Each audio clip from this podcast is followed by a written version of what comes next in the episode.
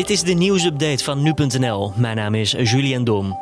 Het wordt weer drukker in het OV. Het aantal reizigers lag eind augustus op twee derde van het aantal in diezelfde periode vorig jaar. Dat blijkt uit cijfers van het Centraal Bureau voor de Statistiek en Translink, het bedrijf achter de OV-chipkaart.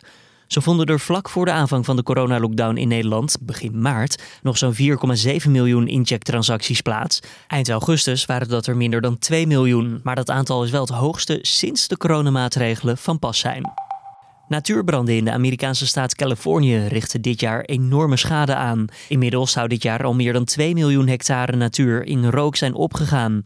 Om te vergelijken, dat een gebied ongeveer zo groot als de provincies Noord-Brabant en Groningen bij elkaar. Californië kent momenteel een extreme hittegolf met temperaturen van net geen 50 graden Celsius.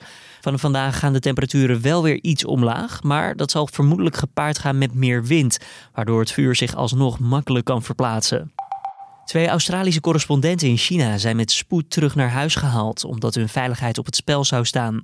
De journalisten werden ondervraagd door het Chinese ministerie van Veiligheid in een onderzoek naar een andere Australische journalist die in China is opgepakt. De journalisten waren naar de ambassades van Australië in Peking en Shanghai gevlucht vervolgens. En dankzij onderhandelingen tussen diplomaten en de lokale autoriteiten konden de twee vervolgens alsnog terug naar Australië. Het reisadvies voor de Griekse eilanden wordt dinsdagochtend aangescherpt van geel naar oranje. Dat meldt het ministerie van Buitenlandse Zaken.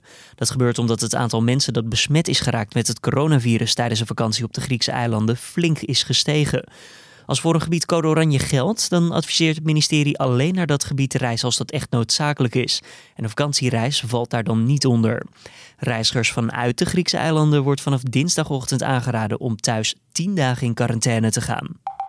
En het Nederlands elftal heeft maandag een nederlaag geleden in de Nations League-wedstrijd tegen Italië.